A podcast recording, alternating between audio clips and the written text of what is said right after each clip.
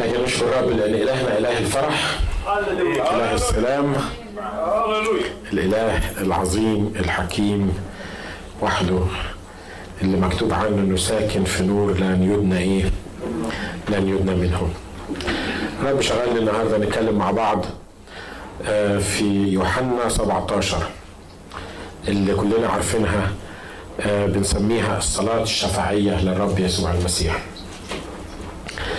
الصلاة اللي رفعها الرب لأجل التلاميذ. وتقريبا ده المكان الوحيد اللي بنقرأ عنه في الكتاب اللي الرب بيصلي لأجل التلاميذ. والصلاة الشفاعية دي ليها أهمية مخصوصة في الكتاب. والصلاة دي جت قبل أحداث الصليب على طول وهو بيطلب لأجل تلاميذه بيتكلم لأجل تلاميذه مع الله الآب. ليها أهمية خاصة بإنك تفهمها لأن لما الرب يسوع بيطلب حاجة بتحصل. أمين؟ الرب يسوع ما عندوش استجابات عكسية. ما لما بيصلي ما بيستجابش استجابات عكسية للرب يسوع لكن الرب يسوع لما بيصلي بيحصل. لأن هو كان بيقول فيكون يأمر فإيه؟ يأمر فيصير حتى لو كان واقف قدام قبر العازر اللي الكل حذروه وقالوا له اسمع اوعى تروح هناك لأن هذا الإنسان الميت قد أنتن. انتهى ده اتحلل. انت ممكن تقوم واحد ميت بقاله ساعة أو اتنين أو عشر ساعات أو يوم بالكتير. لكن لو واحد ابتدى يتحلل والدود ابتدى ياكل فيه ما تقدرش تقومه فخلي بالك اوعى تعمل الحكاية دي. لكن الرب واضح إن هو لما وقف قدام قبر العذر وقال له أيها الآب أنا أعلم أنك في كل حين تسمع لي. أنا هعمل الكلام ده مش عشان لأن أنا شاكك إنك بتسمع ليا ولا لأ وإنك بتستجيب طلباتي ولا لأ. لكن أنا واقف النهارده قدام قبر العذر وبصلي عشان اللي واقفين دول عشان يؤمنوا بيك. وصرخ وقال للعازر هلم خارجا. الكتاب بيقول فخرج الميت ويداه ورجلاه إيه؟ مربوطات. على فكرة المعجزة إن هو يخرج رجليه وإيديه مربوطة مش بس إن هو يقوم من الموت. شفت واحد رجليه وإيديه مربوطة وبيمشي؟ ولما كانوا بيربطوا واحد وهو ميت كانوا بيربطوه. لو خدت بالك من من العوايد بتاعت اليهود كانوا بيلفوا الواحد. عارفين الأطفال العراقيين بيلفوهم إزاي؟ أول مرة رحت العراق وشفت ال... شفت واحدة بنت صغنططة كده مولودة لسه ما بقالهاش شهر ورابطينها رابطه بحيث إنك لو مسكتها من رجليها كده زي الخشبة ممكن توقفها. أنا فكرت البنت عندها مرض. لو انت ما شفتهاش مش هتقدر تفهم اللي أنا بقوله ده لأن لو كان حد وصفه لي ما كنتش. البنت مربوطة ليترالي بدون مبالغة رجليها وإيديها والبنت عاملة كده حتى رقبتها مربوطة في جسمها أنا فكرت البنت نازلة عندها مشكلة. فبقول لهم مالها؟ مسكينة البنت دي مالها؟ إيه اللي حصل؟ لا لا ده إحنا الأطفال بتوعنا بنربطهم كده عشان يطلعوا مشدودين. لو العراقيين ربطوا الصحيين كده مش عارف كان هربطوا الميتين إزاي. لكن الكتاب بيقول إن هو خرج ورجلاه ويداه إيه؟ مربوطات. لما الرب يسوع بيصلي بيستجيب. الرب بيستجيب على طول. ليه؟ لأن يسوع خلي بالكم بيقول إنه لا يعمل من نفسه شيء. لما كان على الأرض ما كانش بيعمل من نفسه شيء. اقرأ في يوحنا معايا تقدر تقرا في الكلام ده. بيقول لك إن الابن لا يعمل من نفسه شيء بل كل ما يرى الآب يعمل هو إيه؟ يعمل. اللي بيسمع الآب بيقوله هو بيقوله. فالصلاة الشفاعية دي كانت أصلا على قلب الآب إن هو عايز يحققها مع التلاميذ عشان كده عطاها للرب يسوع إن هو يقولها. ولما الرب يسوع صلى الصلاة دي لأجل التلاميذ واضح إن الرب استجاب. لكن لما تقرأ الحقيقة الصلاة دي وتشوف حال المؤمنين الأيام دي هتبتدي تصدق حكاية الصلاة العكسية دي أو الاستجابات العكسية اللي أنا مش مصدقها ومش قابلها. أنتوا واخدين بالكم من الصلاة العكسية اللي كانت اللي كنا بنتكلم عنها في وقت تاني؟ ها؟ الكتاب بيقول في يوحنا 17 كده بيقول عدد ستة بيقول أنا أظهرت اسمك للناس الذين أعطيتني من العالم. كانوا لك وأعطيتهم لي وقد حفظوا كلامك. والآن علموا أن كل ما أعطيتني هو من عندك لأن الكلام الذي أعطيتني قد أعطيتهم وهم قبلوا وعلموا يقينا أني خرجت من عندك وآمنوا أنك أنت أرسلتني. كلمات اللي بعد كده بتقول إيه؟ من أجلهم أنا أسأل. الصلاة دي كانت من أجل مين؟ كانت من أجل التلاميذ بيقول من أجلهم أنا أسأل. لست أسأل من أجل هذا من أجل العالم. بل من أجل الذين أعطيتني لأنهم لك. وكل ما هو لي فهو لك وما هو لك فهو لي وأنا ممجد فيهم. ولست أنا بعد في العالم وأما هؤلاء فهم في العالم وأنا آتي إليك. أيها الآب القدوس احفظهم في اسمك. الذين أعطيتني ليكونوا واحد كما نحن.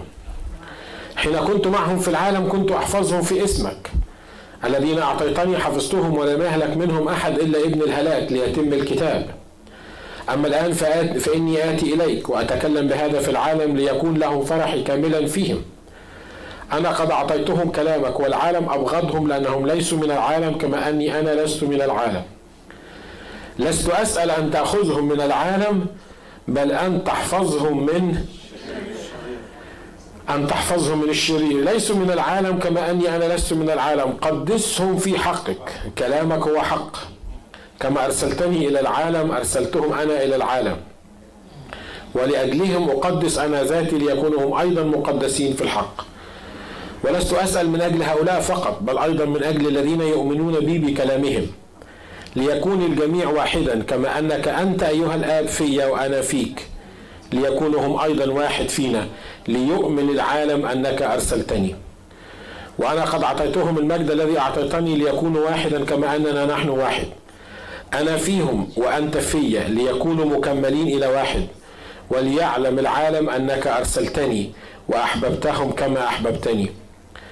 أيها الآب أريد أن هؤلاء الذين أعطيتني يكونون معي حيث أكون أنا لينظروا مجدي الذي أعطيتني لأنك أحببتني قبل إنشاء العالم. أيها أب البار إن العالم لم يعرفك أما أنا فعرفتك وهؤلاء عرفوا أنك أنت أرسلتني وعرفتهم اسمك وسأعرفهم ليكون فيهم الحب الذي أحببتني به وأكون أنا فيهم. لو خدت بالك إن الرب كان عنده طلبات محددة الرب يسوع كان عنده طلبات محددة عايزها تستجاب في حياة هؤلاء التلاميذ. والكتاب واضح هنا في الحتة اللي قريناها في عدد 20 من يوحنا 17 بيقول لست أسأل من أجل هؤلاء فقط. يعني ما حدش ياخد البرير دي أو الصلوات دي للرسل بس. بيقول لست أسأل من أجل هؤلاء فقط بل أيضا من أجل الذين يؤمنون بي بكلامهم. مين الذين يؤمنون بي بكلامهم؟ أنا وأنتم مش كده؟ إحنا اللي آمنا بالرب يسوع رغم إن إحنا ما شفناش الرب يسوع لكن آمنا بيه بالكلام اللي وصلنا من خلال هؤلاء الرسل. بيطلب لأجلهم كذا حاجة بيقول احفظهم في اسمك. عشان يكونوا واحد الذي أعطيتني ليكونوا واحدا كما نحن. بيطلب كمان طلبة بيقول قدسهم في حقك. كلامك هو حق. بيطلب أنه يحفظهم من الشرير. وبيطلب إن هم يكونوا واحد. وبيطلب إن هم يكونوا معاه في مجده دول خمس طلبات طلبهم الرب يسوع من الله الآب علشان يتحققوا في حياة المؤمنين.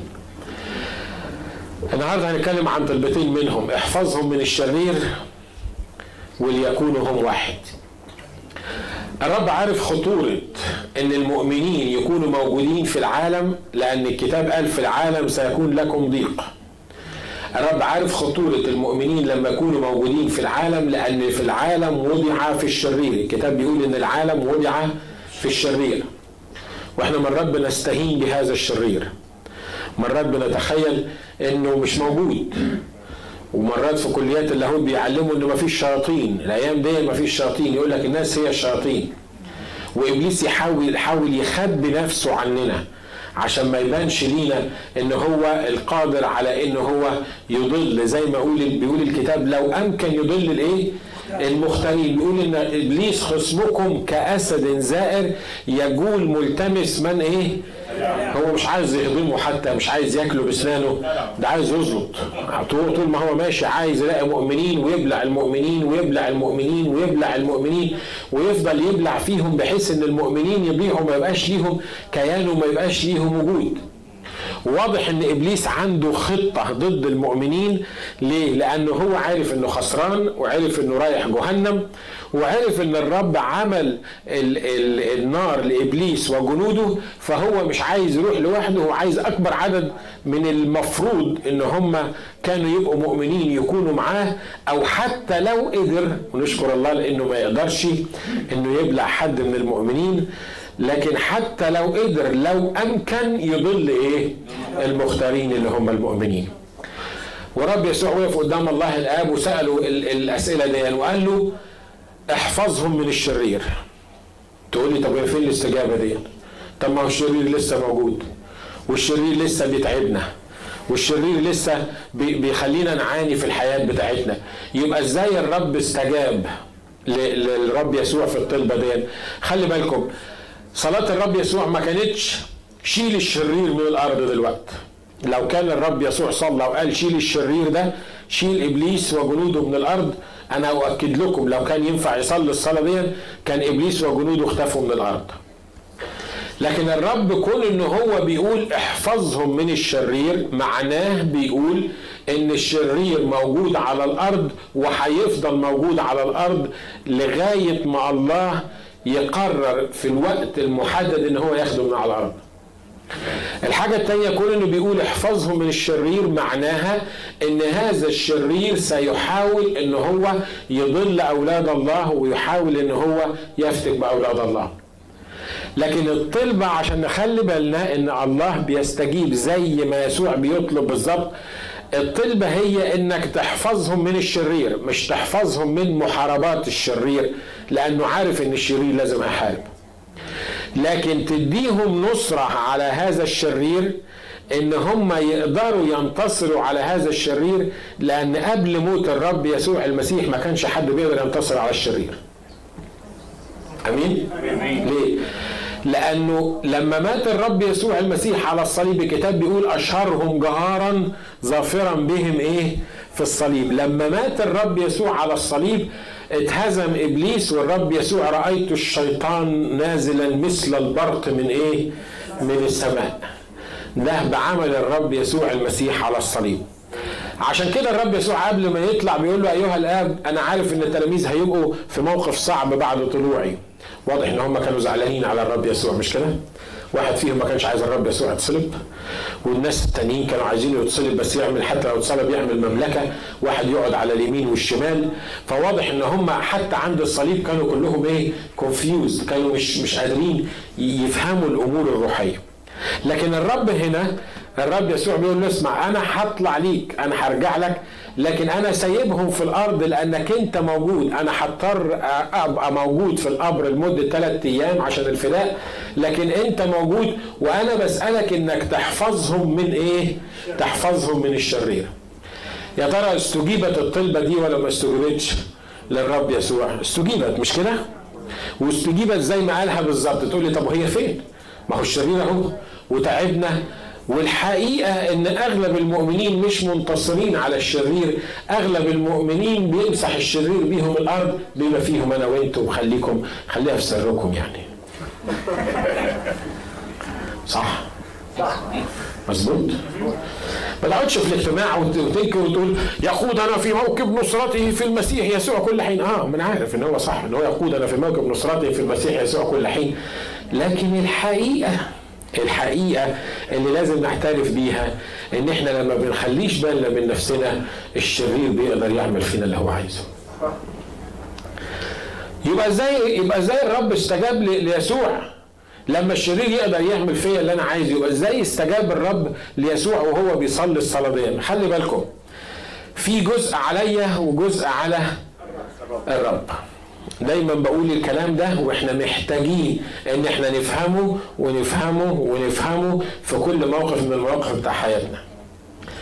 الرب قال يا جماعة لما تصلوا قولوا هكذا أبانا الذي في السماوات ويخلص أبانا الذي يقول إيه؟ لا تدخلنا في تجربة لكن نجنا من إيه؟ من الشرير. هو ده اللي إحنا مكتفيين إن إحنا بنعمله. يا رب انقذنا من عدو الخير. يا رب إحنا عايزين تعطيتنا سلطان ان ندوس الحياة والعقارب. يا رب إحنا عايزين نسحق رأس عدوك والترانيم الكبيرة قوي اللي إحنا بنقولها دي وهنعمل وهنسوي وح... يعني يا رب إحنا إحنا لكن الحقيقة مرات بتبقى غير كده. خلي بالكم الله عمل اللي عليه. لما قال احفظهم من الشرير الرب عطانا كمية حاجات لو إحنا فهمناها وعشنا بيها تحفظ من الشرير وتنتصر على الشرير والشرير لا يستطيع أن إيه؟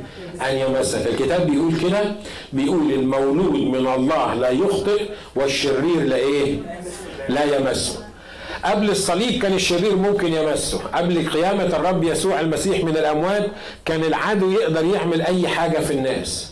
لكن بعد الصليب بعد ما الشخص ياخد يسوع مخلص شخص لحياته الكتاب بيقول المولود من الله لا يخطئ والشرير لا يمسه. يعني مفيش إمكانية عند إبليس أنه يمس المؤمنين المختارين المولودين من الله لو هيعملوا الكلام اللي إحنا هنقول عليه بعد كده. أمين؟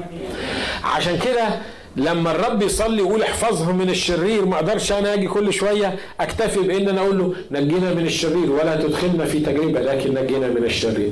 أنا اعرف ان في ناس بيقولوا الصلاة دي بتاع بتاع كم مرة في اليوم؟ 100 مرة ولا ولا 150 مرة؟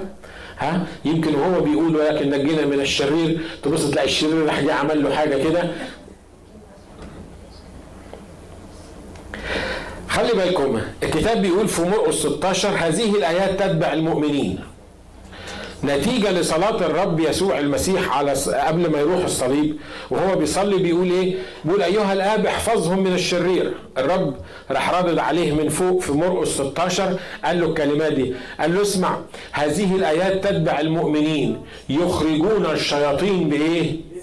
يعني أنا بستجيب لك الطلبة دي مش بس ينتصروا على الشرير لكن يكون عندهم السلطان إن هم يخرجوا الشياطين من الآخرين كمان اللي ما يعرفها واضح إن الآخرين دول اللي ما عرفوش الرب يسوع المسيح مخلص شخص لحياتهم.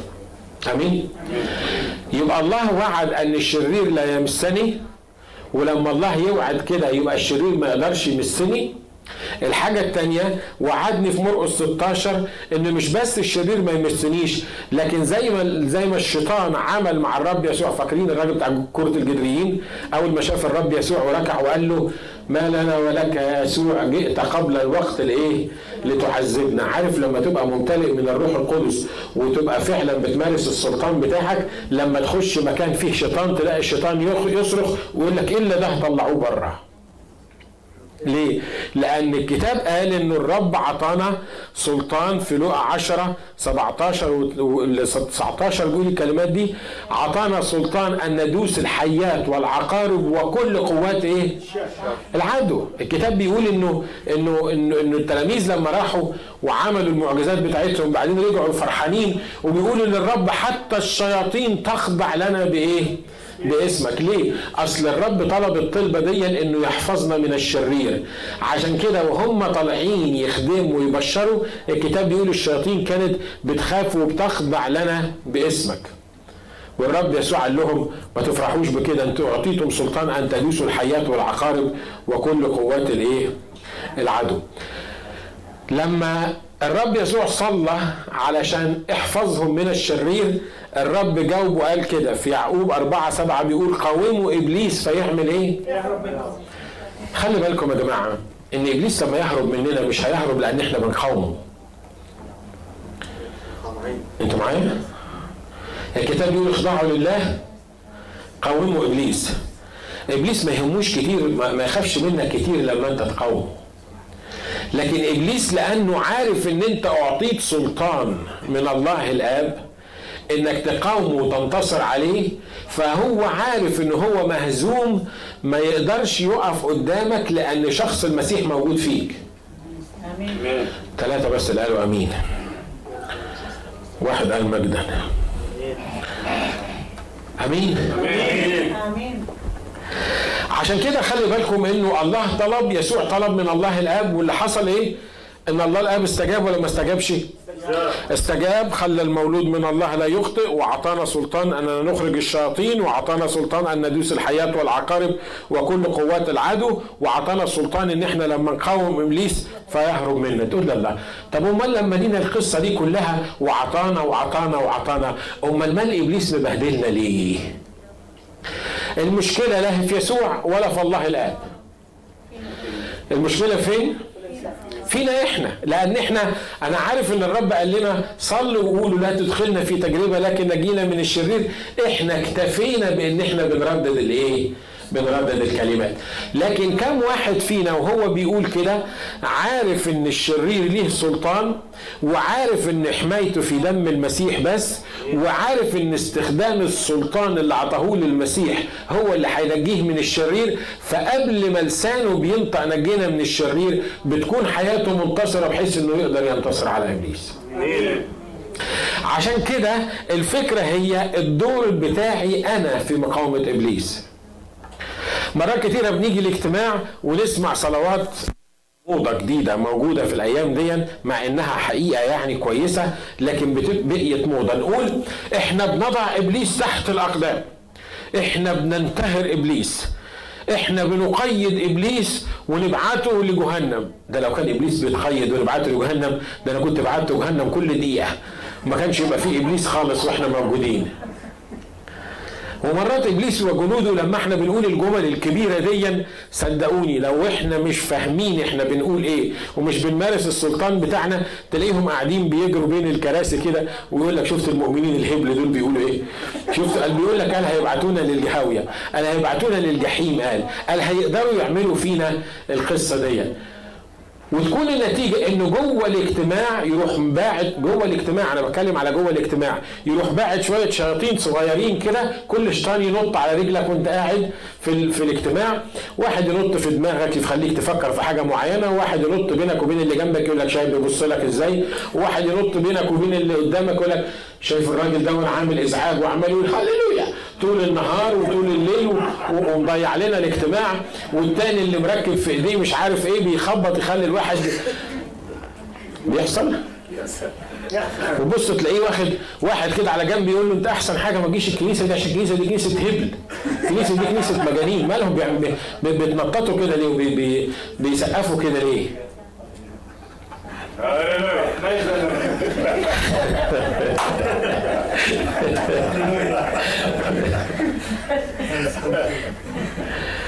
لكن الفكرة هي مش صلاة نجينا من الشرير. الفكرة هي إنك تعرف إن ليك سلطان.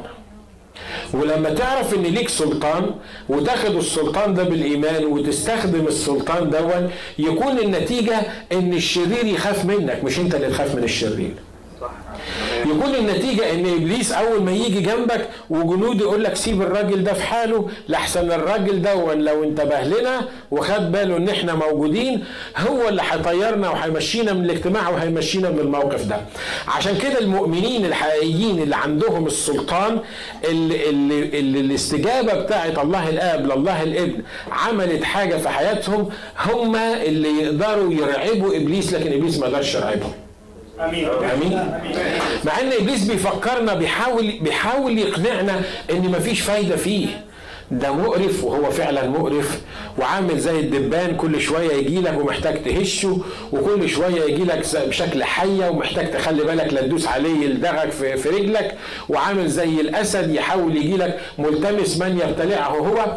وما بيتعبش وما بيزهقش. وليل ونهار بيحاول يعمل معانا الشغلانة دي. لكن خلي بالك إن لما الله الاب سمع الصلاة بتاعت الله الابن لما قال له احفظهم من الشرير قال له حاضر عشان خاطرك عشان خاطر دمك عشان خاطر صليبك عشان خاطر انت اشهرت ابليس على الصليب عشان خاطر انت انتصرت على ابليس. أنا هدي اتباعك النصرة دي وهخليهم مش بس ينتصروا على ابليس لكن يخرجون الشياطين باسمك كمان وهم موجودين على الأرض عشان كده السلطان اللي لينا بيتعدى فكرة إن إحنا نحارب إبليس نقاوم إبليس. خلي بالك إن إبليس دايما والشيطان عايزك تبقى مدافع. ليه؟ لأن لو خلاك مدافع يضمن إنك مش هتهاجمه. ما هو أنت مدافع معناها إن هو بيهاجمك وأنت بتحاول تدافع عن نفسك. بعد شوية يروح مهاجمك تاني وانت تروح مدافع عن نفسك. لو فضل يهاجمك وانت تدافع عن نفسك تأكد انك مش هتعمل حاجة حلوة في حياتك الروحية. تأكد انك هتعيش مدافع مدافع مدافع وإبليس ممكن يقبل منك الحكاية دي وبعد ما تدافع شوية تلاقي نفسك تعبت ومش قادر تدافع تاني وتستسلم وبعدين يعمل فيك اللي هو عايزه. لكن الكتاب بيقول إن أبواب الجحيم لن تقوى على إيه الكنيسة بتاعت الرب يسوع الناس اللي ليهم السلطان أبواب الجحيم لن تقوى عليهم. يعني إيه؟ يعني إبليس واخد ناس حاططهم في الجحيم وقافل عليهم البوابة. وبيقول الناس دول لا يمكن يطلعوا من الجحيم. ليه؟ مين هيقدر يطلعهم من الجحيم؟ الرب فداهم وخلصهم واشتراهم بدمه آه لكن هم نعسانين وهم استسلموا إن هم مش هيطلعوا من الجحيم. بيقول الكنيسة ليها السلطان إنها تمشي لابواب الجحيم وتفتح أبواب الجحيم وكل الشياطين اللي واقفة زنقة في باب الجحيم عشان ال ال ال ال الأبواب دي ما تتفتحش ما يقدروش يمنعوا المؤمنين إن هم يفتحوا الجيتس بتاعت الهل ويخشوا جوه المكان ويخطفوا المؤمنين ويطلعوهم باسم الرب يسوع من جوه. ده السلطان الممنوح لأولاد الرب. والسؤال هل استفدت من الحكاية دي؟ هل استفدت من صلاة الرب يسوع لله الآب إن نحفظهم من الشرير؟ كتاب بيقول علمنا الكلام ده. بيقول خلي بالك افهم إن ممكن انجيك من الشرير لأن ده أنا اعطيته لك. بناء على صلاة الرب يسوع المسيح. فأنت محتاج أن أنت تصلي وتقول لي نجينا من الشرير. زي ما اتفقنا مش مجرد صلاة أنك تصليها لكن تبقى فاهم أن الشرير المتربص بيك الحل الوحيد أن أنا أنجيك من إيه؟ من الشرير. يوم ما بتقف قدام إبليس بقوتك يوم ما بتقف قدام إبليس بإمكانياتك يوم ما بتقف قدام إبليس لأنك فلان الفلاني تأكد أن أنا وأنت بنخسر. لكن يوم ما بتخضع لله وتقاوم إبليس تأكد إن إبليس لازم يهرب منك. عشان كده الوصية هنا نعمله إيه؟ لا تعطوا إبليس مكانا. كنا بنتناقش أنا وحد إمبارح مناقشة طويلة عن عن كل حاجة إبليس كل حاجة إبليس كل حاجة إبليس. إحنا بنقول على كل حاجة إبليس. خلي بالكم إبليس ورا كل خطية ورا كل شر ورا كل حاجة بيحاول يضلني فيها.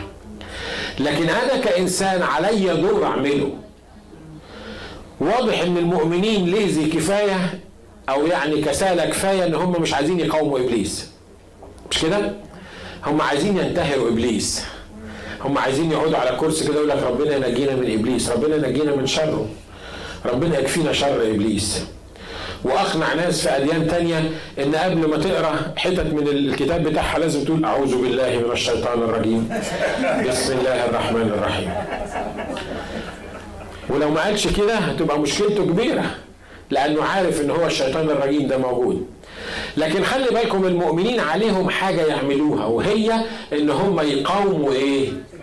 يقاوموا إبليس. تقول لي في حد يقدر يقاوم إبليس؟ تقدر. تقدر في منتهى البساطة تقاوم إبليس. ليه؟ لأن الرب اشترى لك النصرة بس أنت محتاج تاخد النصرة. آمين؟ الرب مش اشترى لك النصرة أنت مش هتدفع فيها حاجة. أنت مش هتقدر تدفع حاجة عشان تنتصر على إبليس. لكن أنت محتاج إنك تاخد النصرة دي وتعيش فيها وتقاوم إبليس فيهرب منك. آمين؟ احفظهم من الشرير. الحاجة الثانية بسرعة الرب طلب ليكونوا هم واحد الوحدة بين المؤمنين. والوحدة بين المؤمنين برضو في جزء على الرب عمله وفي جزء علينا إحنا نعمله. مش كده؟ إحنا ياما صلينا وقلنا يا رب وحدنا يا رب. إحنا أنا اعرف ان في واحدة من الاخوات كانت زمان كنا كل ما نقعد في اجتماع الصلاة نقول حد عايز حاجة تقول إحنا عايزين نتوحد. إحنا عايزين نبقى وحدة واحدة. إحنا عايزين نبقى يد واحدة. ونشكر الله. فضلت تقول يد واحدة ووحدة واحدة لغاية ما هي اللي سابت الدنيا وخد بعضها مشيت صارت واحدة. دلوقتي المشكلة كانت فين؟ الطلبه حلوة آه. ال ال الأشواق عظيمة. أيوه. الرب يسوع صلى الله الآب وقال له ليكونوا هم واحد ليعلم العالم أنك إيه؟ أرسلتني. الإرساليات بتبعت مبشرين وبتبعت فلوس وبتبعت إمكانيات. وعشرات ال ال الإرساليات وعشرات ال missions بتبعت ناس لل Middle East وغير ال Middle East عشان يعرفوا الرب يسوع المسيح. لكن للأسف إن ما أقل العمل اللي بيعملوه المؤمنين في وسط غير المؤمنين الكنيسة مش بتأثر في غير المؤمنين لكن للأسف غير المؤمنين هم اللي بيأثروا في الكنيسة عارفين ليه لأن الناس اللي بره مش شايفين إن إحنا واحد مش كده ولا إيه؟ كتاب قال في منتهى البساطة كده كيف يعلم الناس أن الله الآب أرسل يسوع المسيح؟ وخلي بالك الحياة الأبدية هي إيه؟ ليعرفوك أنت الإله الحقيقي ويسوع المسيح الذي أرسلته. دي الحياة الأبدية. ده, ده كل المتعلق بالكتاب. إن يعرفوك إنك أنت الإله الحقيقي ويسوع المسيح الذي أرسله. كيف يعرف الناس الإله الحقيقي ويسوع المسيح الذي أرسله؟ في منتهى البساطة بحاجتين. لو كانوا متحدين ولو كانوا بيحبوا بعضهم بعض. آمين. أمين. عشان كده لما لما تحب تعرف حد بشخص الرب يسوع المسيح لما بيشوف المؤمنين متحدين لما بيشوف المؤمنين بيحبوا بعض يقول لك هو ده المكان اللي أنا عايز أبقى موجود فيه. ليه؟ لأن الاتحاد مش موجود في العالم والمحبة مش موجودة في العالم. لكن الكنيسة المفروض لما يبقى فيها اتحاد وفيها محبة كل واحد يخش من الباب يتبكت على خطاياه ويركع ويقبل الرب يسوع مخلص شخص لحياته ليه؟ لأنه بيحس إن الناس دول فيهم حاجة مختلفة عن الناس اللي موجودين في العالم. والرب يسوع صلى وقال له ليكونوا هم واحد. أيها الآب البار أنت فيا وأنا فيهم عشان يكونوا كلهم واحد تخيل معايا ان إن الله الآب في شخص المسيح والمسيح فينا وإحنا موجودين في بعض وحده لا يستطيع العدو إن هو يخترقها على الإطلاق. آمين؟ آمين. الرب عمل اللي عليه. صلى الصلاه دي وأنا متأكد إن يسوع إن الله الآب استجابها. لكن الوحدة اللي إحنا بنتكلم عليها ما بتحصلش بين المؤمنين ليه؟ ليه مش شايفين وحدة بين المؤمنين؟ عارفين ليه؟ لأن إحنا المؤمنين مش عاملين اللي علينا. إحنا بنكتفي إن إحنا بنصلي علشان الوحدة. لما نقعد نصلي عشان الكنائس التانية يا رب وحدنا ويا رب ادينا قلب واحد ويا رب خلينا نحب بعضنا بعض. واقعد قول من الصبح يا رب ادينا ويا رب خلينا ويا رب وحدنا ويا رب خلينا نقرب من بعض ويا رب خلينا نغفر من بعض. هو ربنا ما بيسمعش الصلاة دي ولا إيه؟ مش كل كنايس بتصلي الحكاية دي ولا إيه؟ ها؟ الله. أمال اللي إحنا شايفينه الحقيقة مش كده ليه؟ اللي إحنا شايفينه إن في كنيسة في الحتة دي وكنيسة في الحتة اللي هناك وكنيسة في الحتة الثالثه، الكنيسة اللي في الحتة الثالثه بتتكلم عن الكنيسة اللي في الحتة الأولى والمؤمنين اللي في الكنيسة دي بياكلوا في المؤمنين اللي في الكنيسة الناحية الثانية والقسيس اللي هناك بياكل في القسيس اللي هنا والقسيس اللي هنا مش طايق يشوف القسيس اللي هناك. والنتيجة إن إحنا بنلف حوالين نفسنا في بتاع 120 واحد مؤمن موجودين في الكهون والناس مش قادرة تقبل الحكاية دي وكل واحد بيتنطط من كنيسة لكنيسة لكنيسة لكنيسة النهاردة تعجبه الكنيسة دي وبعدين بكرة الكنيسة اللي بعديها وبعده الكنيسة اللي بعديها وتكون النتيجة إن الحقيقة مفيش وحدة وبنكتفي إن إحنا نعمل إيه؟ نصلي عارفين الوحدة اللي كانت بين مصر وسوريا زمان؟ أيوه. اتعملت وفي 48 ساعة اتهدت. اللواءات كانوا جم مصر وبقي في لواءات وجيش بين سوريا وبين مصر وتشوف يقول لك إيه؟ إحنا سمينا نفسنا الجمهورية العربية المتحدة. شلنا حتى اسم مصر من بتاع وسمينا نفسنا إحنا وسوريا الجمهورية العربية الإيه؟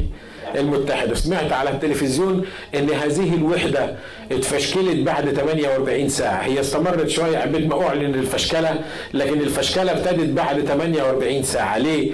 لأن دي وحدة قايمة على ايديولوجيات أو على حاجات في الدماغ لمصالح معينة لكن مش دي الوحدة اللي بيتكلم عليها الله إن يشوف المؤمنين واحد. والوحدة يتصلى لها آه لكن الصلاة مش كل حاجة. أمين؟ أؤكد لكم لو جبنا ثلاث كنايس موجودين في الكهون وخلينا كل كنيسة تصلي لوحدها علشان الوحدة لمدة عشر سنين صدقوني الوحدة ما هتحصل. صح اللي أنا بقوله ده؟ تقول لي أخ ناجي إزاي؟ طب هو في أهم من الصلاة؟ هو في أعظم من الصلاة؟ آه في. هو إنك تعمل الدور اللي عليك. مش كده ولا إيه؟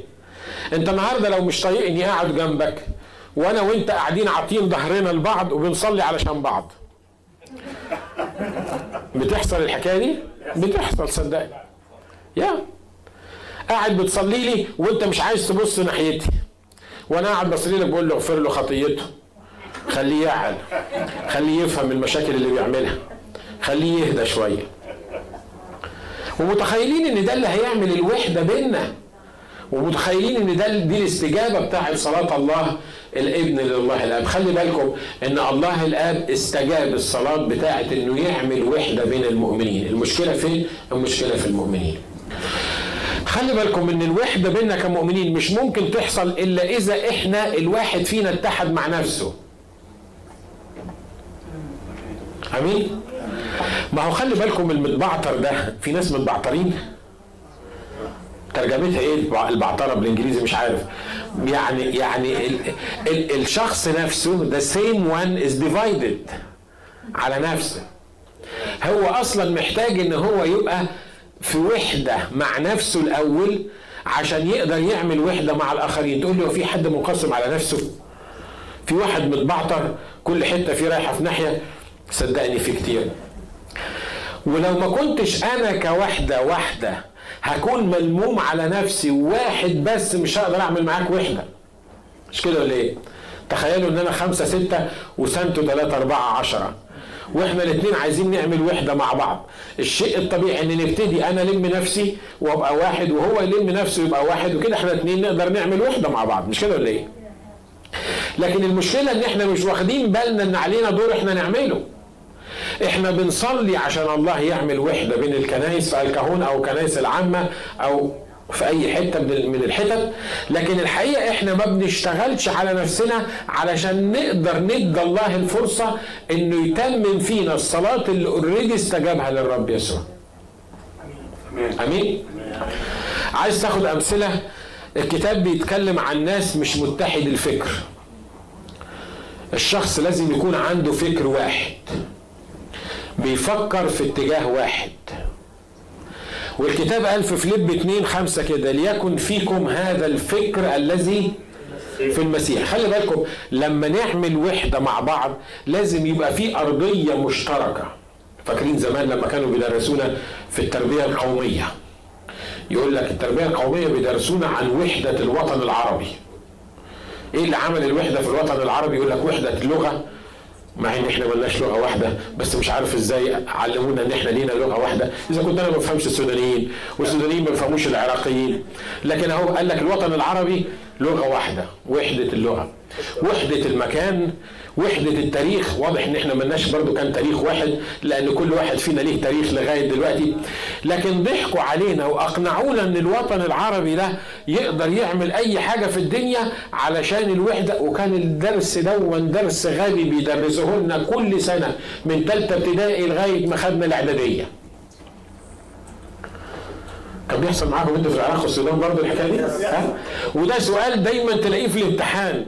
يقول لك وحدة الوطن العربي وإحنا نتكلم عن وحدة الأرض ووحدة التاريخ ووحدة المصير كلنا بنكره إسرائيل وكلنا ضد إسرائيل وكلنا مش عارف إيه ونموت وتحيا مصر. يلا.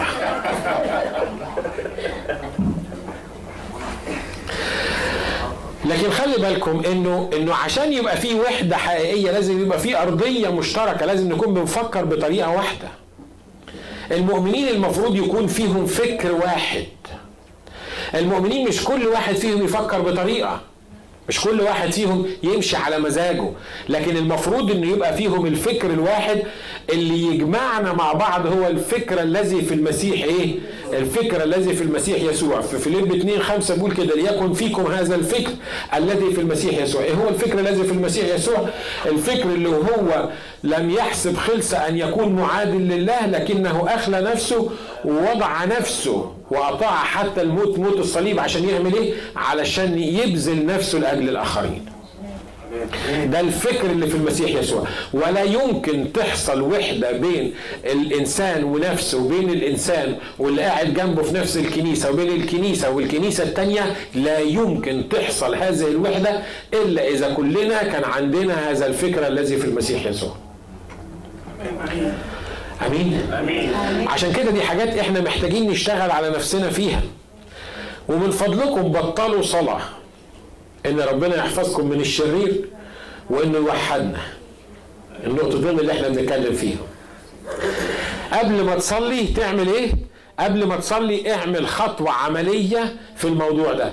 بيقول لك التوحيد أو التوحد في الفكر. الحاجة التانية المؤمنين محتاجين يبقى عندهم وحدة في الأهداف. هم هدفهم إيه؟ الرب عطى لموسى إرسالية. موسى تخرج شعبي من أرض مصر. هلما فأرسلك لأرض مصر لتخرج شعبي.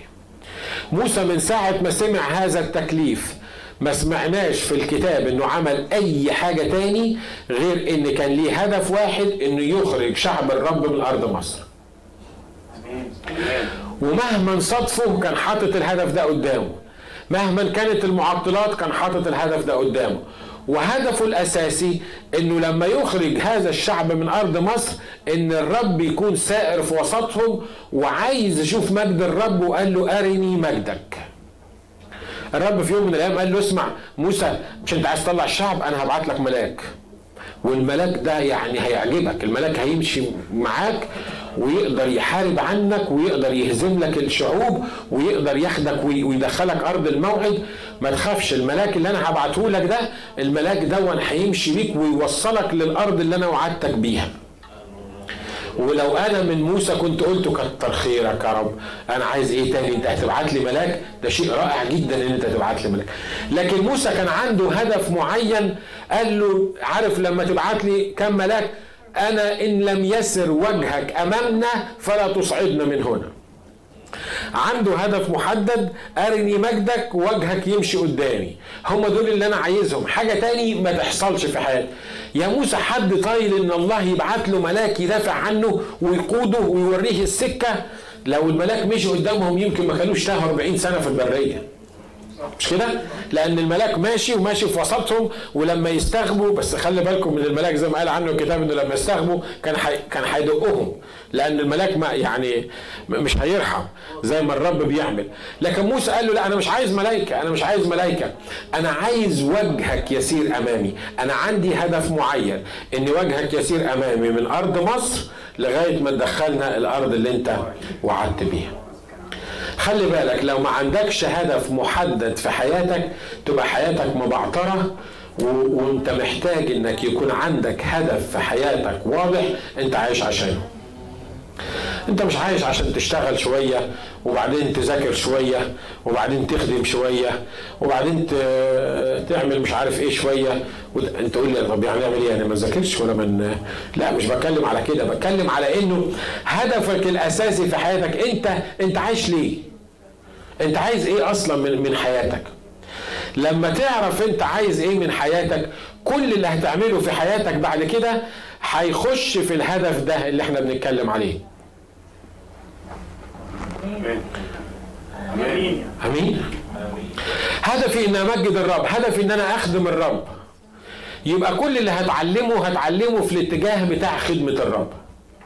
كل خدمة هعملها هبقى بعملها في اتجاه الخدمة بتاعت الرب.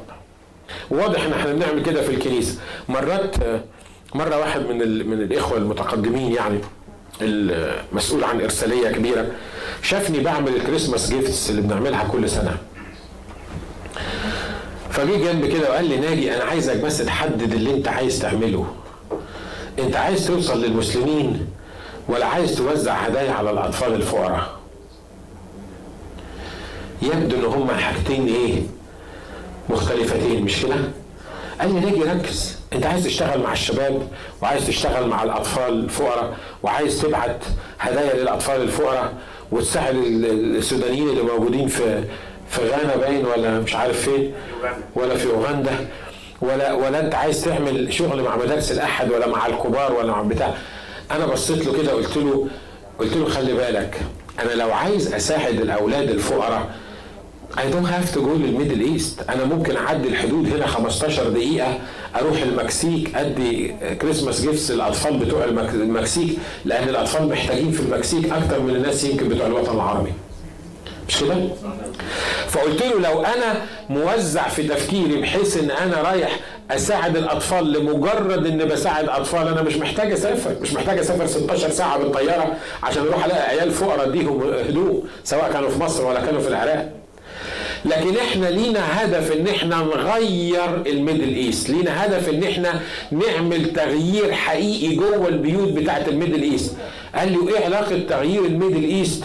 بالهدايا بتاعت الأطفال. قلت له ما هو في بيوت في ال Middle East ما نقدرش نخشها إلا عن طريق الطفل. لما تدي للطفل هدية تقدر تدي لأبوه كتاب أو تقدر تدي لأبوه شريط عشان يسمعه عشان يتغير. عرفت ليه إحنا بنخدم في وسط الأطفال؟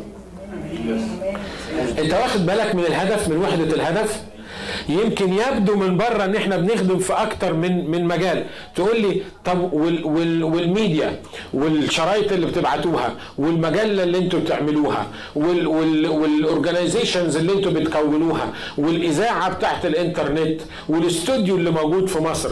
يبدو إن كل حاجة بتشتغل في حتة إحنا موزعين في 100 حاجة بنعملها. لا الحقيقة إحنا لو كنا بنستخدم 100 وسيلة لكن عندنا هدف واحد إن إحنا نغير ال Middle East. ولو ما عندكش هدف محدد أنت عايزه يعمل إيه كان ممكن إبليس في منتهى البساطة يبعدك عن الهدف بتاعك. آمين؟ واحدة من ال organizations الكبيرة عندها استعداد إنها تدفع فلوس كتيرة لو إحنا عملنا لها النشاط بتاعها في ال Middle East. لو إحنا قدرنا نخدم الناس ماديا إن إحنا نقدر نعلمهم حرفة. بس ما تتكلموش عن المسيح. وإنتوا بتعملوا الحرفة دي ما تتكلموش عن المسيح. لو عطوني 10 مليون دولار أنا مش عايزهم. مش لأني بقلل إن هم يخدموا في وسط الناس المحتاجين لكن لأن الهدف بتاعنا الرؤية اللي الرب عطاها لنا الحاجة اللي إحنا بنعملها مش مساعدة فقراء. تقول لي هو الفقراء مش محتاجين مساعدة؟ مش الكتاب قال هذه هي العبادة الحقيقية افتقاد الأرامل والأيتام؟ آه بس خلي بالك إن الهدف العمل اللي إحنا بنعمله مش مساعدة فقراء لأن إحنا مش مجموعة مجرد مساعدات. أنا لما بساعد طفل موجود في مصر أو في السودان أو في أي حتة لأن عندي هدف إن هذا الطفل اللي أنا بساعده في يوم من الأيام يبقى خادم للرب يسوع ويساهم في تغيير الشرق الأوسط. لكن لو أنا ساعدته وخليته أسعد إنسان وأغنى إنسان في الشرق الأوسط وما قدمتلوش يسوع وما عدتش حياته إن هو يبقى بيشتغل في نفس الهدف أو أنا ما عملتش حاجة. يبقى في اورجانيزيشنز تانية ربنا يباركهم هم اللي يقدروا يعملوا الحكاية دي لأن إحنا مش اغاثه. أنت واخد بالك؟ أنا بديك مثل عملي من اللي إحنا بنعمله. عشان كده لما الناس يبصوا يقولوا أنت أنت موزع في 15 مشروع. أنت موزع في 15 اتجاه. هم 15 اتجاه لكن ليهم هدف واحد. الهدف الواحد هو إن إحنا نغير ال Middle إيه؟ ال Middle East. واحد سألني أكتب ال bio بتاعت ال biography بتاعتي أو أنا مين وبعمل إيه. فكتبت له بتاع يمكن سبع ثمانية organization يا إما president يا إما vice president يا إما مش عارف مين. وبتاع حاجات فالراجل مسك الورقة كده قال لي كل ده. هو أنت كل ده؟ وأنا في سري قلت له ما هو كل ده حاجة واحدة. كل اللي أنت شايفه ده حاجة واحدة. أنا النهارده لما ساهم في تكوين الهيئة الطبية اللي هي ال Christian Medical Fellowship في Egypt اللي هم الهيئة الطبية اللي بت بتشتغل وسط الدكاترة. في مصر. أنا أصلا ساهمت فيها إنها تتعمل ليه؟ مش عشان نعمل هيئة تخدم الدكاترة وتبسطهم وتعمل لهم مؤتمرات وتعمل لهم حفلات لا. ده أنا عايز أعد الدكاترة دي عشان وهم في المستشفيات يقدروا يوصلوا للناس اللي بيتعاملوا معاهم عشان يقدروا ينشروا كلمة المسيح وخصوصا مع غير المسيحيين. قعدت 8 سنين بعمل الحكاية دي في مصر. كفايس بريزيدنت بتاع ال Christian Medical Fellowship بعد 8 سنين الناس اللي موجودين معايا قالوا أنت شوية متطرف لأن أنت كل فكرك بيدور حوالين توصيل الرسالة للعيانين. إحنا عايزين نخدم الدكاترة. حاولت أفهمهم أفهمهم إن الدكاترة مش محتاجين خدمة. الدكاترة دول تخدمهم عشان يقدروا يخدموا التانيين. كانت النتيجة لما ما قدروش يفهموا الحكاية دي قدمت استقالتي. وقلت أنا مش هقدر أكمل في الموضوع ده. ليه؟ لأن الهدف اتحول من إن إحنا ندرب دكاترة وممرضات على اختلاف أنواعهم في ال Middle East عشان يوصلوا الناس اللي مش قادرين يوصلهم بالطريقة العادية لأن إحنا عايزين نعمل organization تهتم بالدكاترة وتاخدهم وتفسحهم وتجوزهم كل واحد يتجوز له واحدة حلوة من ال من ال organization اللي زي إحنا عاملينها. أصبح الموضوع دلوقتي ملوش الهدف اللي إحنا ابتدينا الخطة علشانه. انت واخد بالك من الفكرة أنا أنا بشرح لك في الموضوع ده ليه؟ عشان تفهم إن عشان يحصل وحدة بيننا إحنا المؤمنين لازم يكون عندك نفس الفكر يكون عندك نفس ال ال الهدف اللي إحنا بنتكلم عنه. عارفين ناس كتيرة ما بتقدرش تعيش في الكنيسة هنا ليه؟ ناس كتيرة حلوين ومؤمنين وظراف ولاد ناس وإحنا بنتشرف بيهم لكن ما بيقدروش يستمروا معانا في الكنيسة ليه؟ ها؟ لأن مفيش هدف. لأن هو هدفه إنه يجي الصبح يتعزى ويسقف. ونشكر الله الاخوه العراقيين لما بيسقفوا أي واحد تاني ممكن يسقف في الصبح ما يتسمعش. فيعني فهو بيسقف هو هايص هو مية مية كنيسة حلوة بيسقف وبيهيص وحاجات من كده. لكن لما تيجي عند الجد حبيبي أنت بتيجي الكنيسة أصلا ليه؟ أنت موجود في وسط الجماعة دي ليه؟ اشمعنى الجماعة دي اللي أنت اخترتها؟ لو قلت لي مش عارف يبقى عمرك هيبقى قصير في المكان ده. آمين. وخلي بالك لو انت مش عارف انت في الكنيسة هنا ليه صدقني حتى لو كنت مرات القسيس لأن القسيس مش ممكن يمشي لو القسيس مش هتبقى مشكلة. لكن حتى لو كنت مرات القسيس الرجل الثاني أو أو الست الأولانية في في الموضوع وانت مش عارف انت موجود أصلا في الكنيسة ليه سامحني في التعبير مش هزعل عليك لو مشيت. آمين. امين حد زعلان من اللي أنا بقوله؟ لا. لا في ناس زعلان شكلها كده ناس زعلان لأن الناس ما ردتش عليا. لو أنت مش فاهم أنت أصلا مغروس في الجماعة دي ليه وفي الشجرة دي ليه أنت محتاج إنك تراجع أهدافك. أنت عايز إيه أصلا من الاجتماع؟ اجتماع حلو نشكر الله كل كنائس اللي حوالينا حلو لو كنت مستظرف القسيس نشكر الله يمكن ده يكون أبوخ قسيس في الكهون. كل الأسس اللي في الكهون زي العسل. أي قسيس تاني يعرف يسد احتياجاتك. مستظرف الناس نشكر الله. عارفين الآية اللي بتقول لك واجتمع إليه كل رجل ضعيف وكل من كان عليه دين وكل من كان مر النفس. الناس بيقولوا عن كنيستنا كده. ما فيهاش إلا الناس الخايبة اللي ما بيشتغلوش التعبانين اللي ما عندهمش إمكانيات. في ناس بتقول كده صحيح؟ ناس بتقول كده. ما عندكش حاجة تربطك بهذه الجماعة إلا إذا كان عندك هدف واحد إنك عايز تحقق الرؤية اللي الرب عطاها لنا إن إحنا نبقى part من التغيير بتاع ال Middle East بطريقة حقيقية. مش مجرد كلام من على المنبر. فلو أنت النهاردة عارف إن ليك الهدف ده يبقى انت هتلاقي نفسك في وسط الجماعة لأن قلبك من جوه ورؤيتك من جوه وهدفك من جوه إنك تعمل حاجة معينة هو ده اللي يربطنا ببعض. كتاب بيقول إن موسى قال له أرني وجهك سير أمامي والرب سمع الصلاة ولا ما سمعش؟ سمع عارفين ليه؟ لأن موسى عارف هدفه وأصر عليه. لو الرب جه قال له هبعت لك ملاك وموسى قاعد كده يتكلم مع مريم وهارون قال لهم إيه رأيكم؟ الرب بيقول ابعت لكم ملاك إيه رأيكم؟ مريم قالت لك ملاك ملاك. يلا هو إحنا طايلين. أهو يبعت لنا أي حد وخلاص.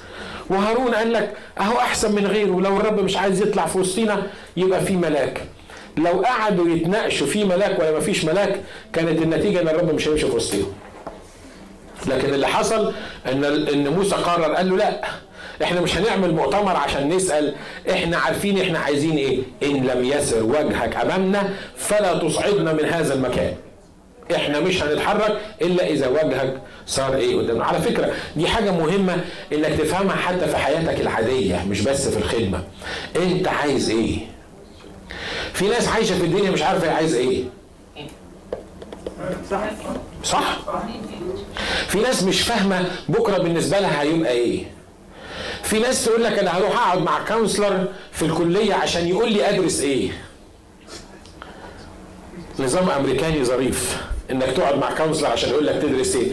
لكن أنت مش عارف أصلا أنت عايز تدرس إيه. أنت مش عارف أصلا هدفك تبقى إيه. أنت مش عارف أصلا خدمتك إيه. عشان حتى الحاجة اللي أنت بتدرسها ليها ليها علاقة بالهدف اللي أنت عايش عشانه. امين Am I right or off؟ ها؟ قول لي قول لي لو أنا لو أنت مش مقتنع بال بال بالكلام اللي أنا بقوله ده. مش كده ولا إيه؟ ما ينفعش تروح يقعد معاك ال counselor يقول لك أنت ممكن تدرس كمبيوتر وممكن تدرس counseling وممكن تدرس مش عارف مين وبعدين أنت تضرب أخماس في أسداس وتقول آه طب دي حلوة دي وحشة دي هتاخد وقت أقل ده مش عارف مين. طب خلاص إحنا ندرس الحاجة الفلانية دي. ده معناها إنك أنت مش عارف بكرة عايز إيه. ولو انت ما عندكش هدف ومش عارف بكرة انت عايز إيه انت حياتك في خطر. لأن الوقت هيضيع منك وال وال والدنيا هتتسرق منك وفي الآخر هتكتشف إنك ما عملتش حاجة. صح أمين؟ أنا مش بتكلم عن أي حد أمام الله مش في ذهني أي حد. لكن لسه كنت بكلم واحد من الإخوة بقول له النهارده أنت عايز تشتغل إيه؟ لما أجي أقول لك انت عايز تشتغل؟ تقول لي اي حاجة. يعني إيه اي حاجة؟ عايز تشتغل في ماكدونالدز في ال fast food؟ ولا عايز تشتغل في الجرافيك عشان تستخدمه في في التصوير؟ ولا عايز تشتغل في الاستوديو علشان الرب يستخدمك في الخدمة؟ ولا عايز تشتغل في الكمبيوتر؟ مش مش مهم يكون ليك علاقة حتى بال بال بال بال بالخدمة خالص. يعني مش لازم تدرس حاجة عشان تخدم بيها. لكن ممكن يكون الرب عطيلك business بتبيع candy. ممكن مفيش مشكلة. بت- بتوزع كاندي على كل الناس. إيه علاقة ال candy بالخدمة؟ ما هو خلي بالك إن الكتاب قال لك انك كل اللي تعمله اعمله إيه؟ للرب. هيقول لك اشتغل في ال candy هتجيب فلوس هتعمل بيها support للخدمة. يبقى كتر خيرك. هيقول لك تروح تشتغل كوافير تقول لي إمتى بس ربنا يحررني من الكوافير اللي أنا فيه؟ أنا عايز اخدم الرب. لا ما هو أنت وأنت بتشتغلي في الكوافير ممكن تخدمي الرب. وانت بتشتغلي في ال county ممكن تخدمي الرب. وانت بتعملي ضلمه في بيتكم وانت واقفة في المطبخ وانت ما بتشتغليش تعرفي تخدمي الرب برضه. آمين. آمين؟ دي حاجات لازم نفهمها إن إحنا قبل ما نفكر نعمل اتحاد مع بعض لازم نعمل اتحاد مع نفسي لازم أتحد أنا ونفسي. أبقى عندي هدف. أنا عارف هدفي إيه اللي أنا بعمله. أنا عارف رايح فين.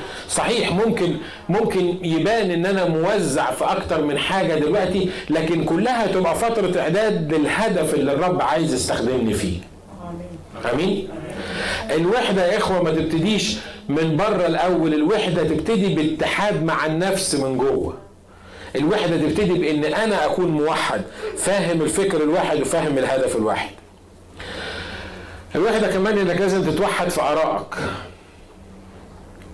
لازم يكون عندك رأي ممكن زي ما بيقول الكتاب. ذو الرأي الممكن تحفظه سالما إيه؟ سالما. أما الرجل الذي ذو رأيين فهو متقلقل في جميع إيه؟ في جميع طرقه يبقى موزع. أعرف ناس مؤمنين حلوين قوي. ما يعرفش ياخد قرار أبدا. ما يعرفش ياخد قرار في حاجة خالص. تقول له على المشكلة يقعد يقول لك المفروض نعمل كذا تاني يوم يقول لك لا لا لا ما نعملش كده. إحنا المفروض نعمل الحاجة الفلانية. أقول لك هو أنا الحقيقة دول مش مقتنع بيهم جدا. إحنا المفروض نعمل الحاجة الثالثه وده مش بس في الخدمة ده في بيتهم وفي علاقاته بالناس وفي, وفي, في, وفي, في أي حاجة بت- بتمد إيدها وعلى فكرة دول عددهم كبير جدا. ليه؟ لأن دي تربة خصبة لإبليس بحيث إن هو يخليك توصل في النهاية إن أنت ما عندكش رأي محدد ممكن وتكون النتيجة إنك ما تقدرش تثابر لما المشاكل تبتدي تجيلك. آمين لو أنت مش عارف أنت عايز تدرس إيه ففي منتهى البساطة لو أنت قررت لو ال counselor قال لك ادرس كمبيوتر وأنت قلت أهو كمبيوتر كمبيوتر يلا تيجي تفتح الكمبيوتر تلاقي نفسك في زراير وفي إمكانيات وفي برامج وفي حاجات من كده أنت مش عارف تعملها إزاي. أول حاجة تعملها هي إيه؟ لا لا يمكن ربنا ما كانش عايزني أدرس كمبيوتر. طب هدرس nursing؟ أول محاضرتين تشوف فيهم الدم وتشوف فيهم المشكلة تقول لو أنا إيه اللي جابني ال- البتاع ده؟ يمكن ربنا عايزني أدرس مش عارف إيه. بيحصل معانا ولا ما بيحصلش معانا؟ ها؟ لأن ده فاضي. ده ما فيهوش رأي معين. ده ما فيهوش ده ده مش واخد قرار معين ورأي معين هو عايز يعمل إيه. لما يكون عندك ال- الرأي الممكن تبقى أنت فاهم من الرب والرأي اللي مبني على كلام الرب يبقى بعد كده حصل ما حصلش أنت مش فارق معاك المشاكل اللي بتواجهها أنت فارق معاك الرأي اللي الرب حطه جوه فكرك اللي أنت بتعمله. آمين؟ آمين. لما كنت دكتور سنان والرب قال لي روح ادرس آه، روح ادرس صحافة. قلت لكم الحكاية دي قبل كده. لما رحت ادرس صحافه أنا قلت للرب قلت له بقى دكتور سنان يا رب روح يدرس صحافة. يعني إزاي دكتور سنان يروح يدرس صحافة؟ ما تجيش. يعني أنا ده علمي وده أدبي. ده قصة وده قصة تاني. أول ما رحت عشان أقدم على الحكاية دي اكتشفت إن أنا لازم أعيد ثانوية العامه من أول وجديد. وكنت متخرج بقالي يمكن كان بقالي قد إيه؟ كان يمكن بقالي 10 سنين.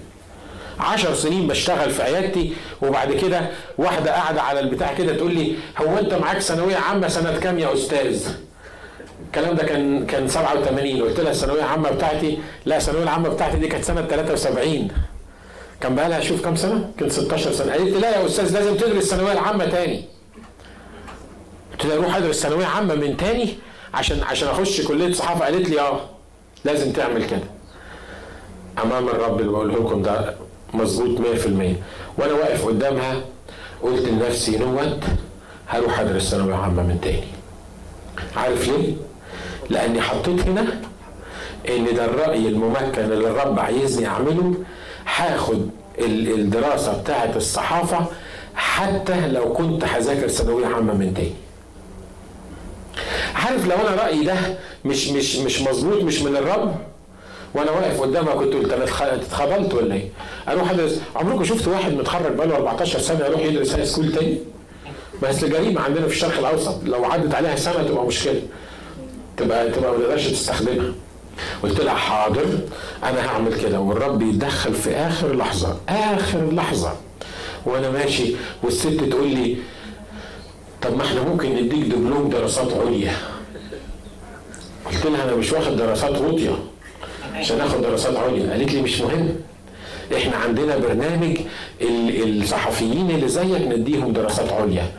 خلي بالك لو الست دي كانت سكتت بس لمدة نص دقيقة ولا مشيت من قدامها كنت رحت ذاكرت ثانوية عامة تاني وبعدين قعدت أربع سنين أدرس في الكلية عشان آخد بكالوريوس.